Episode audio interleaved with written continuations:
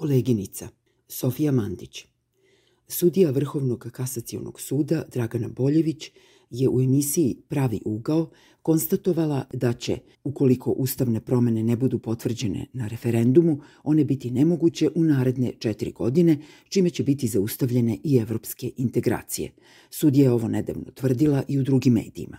Boljević je, kaže, jedino suprotno tumačenje čula od mlade koleginice koja nije sudija i nije iz pravosuđa. Delovalo je da sudija Najvišeg suda iskreno misli da je za komentarisanje postupka promene Ustava potrebno ispuniti izvesni starosni cenzus uz dokaz o izboru na pravosudnu funkciju. Ovde ipak podsjećamo da se promena Ustava i njene moguće posledice tiču svih građana bez obzira na njihovu starost ili druge lične karakteristike. Pravnici će o ovom pitanju očekivano više raspravljati, ali bez obzira na to da li jesu ili nisu sudije. Imajući u vidu da sam početkom nedelje u intervju datom portalu Deutsche Welle na pitanje novinara odgovorila da nepotvrđivanje akta o promeni Ustava ne može imati fatalan ishod koji sudija Boljević najavljuje, osnovano sumnjam da sam ja neimenovana mlada koleginica. Ukoliko jesam, apelujem da u buduće budem prozvana imenom i prezimenom. Ukoliko je to neka druga osoba, ona zaslužuje isto. Imajući u vidu navedenu pretpostavku, čini mi se da sudiji Boljević dugujem komentar, ali i dodatno objašnjenje.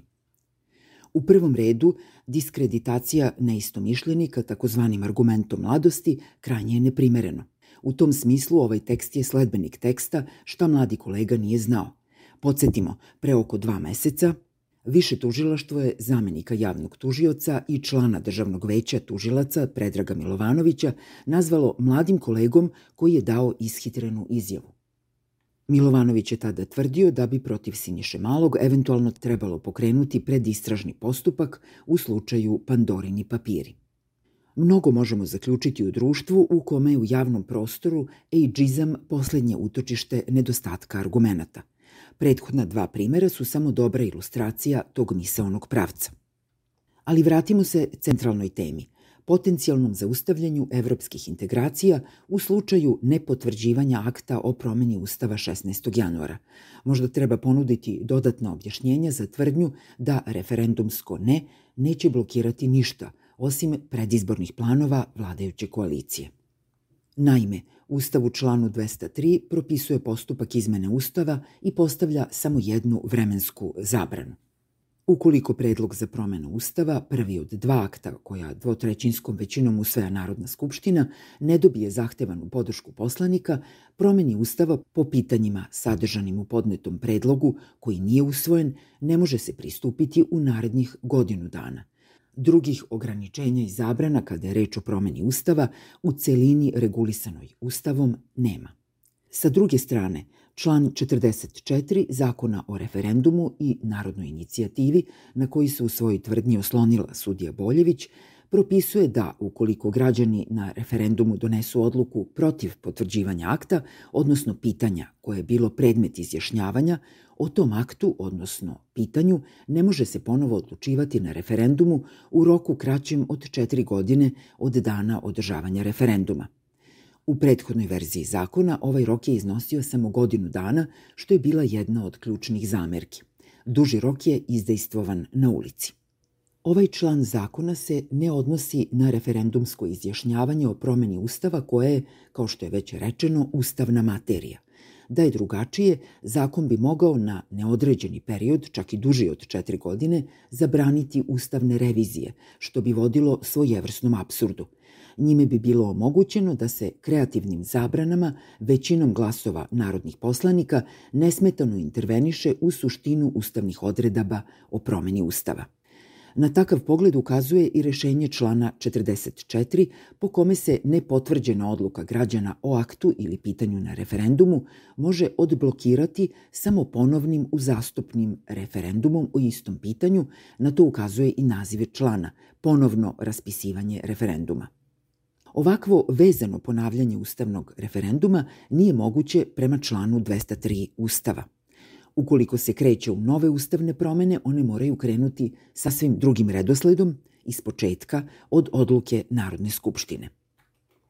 Drugo tumačenje koje bi eventualno dozvolilo primenu člana 44 na povezane ustavne referendume, posmatrano u širem smislu čak i onda kada između dva referenduma stoji složen skupštinski proces, vodilo bi istom krajnjem ishodu.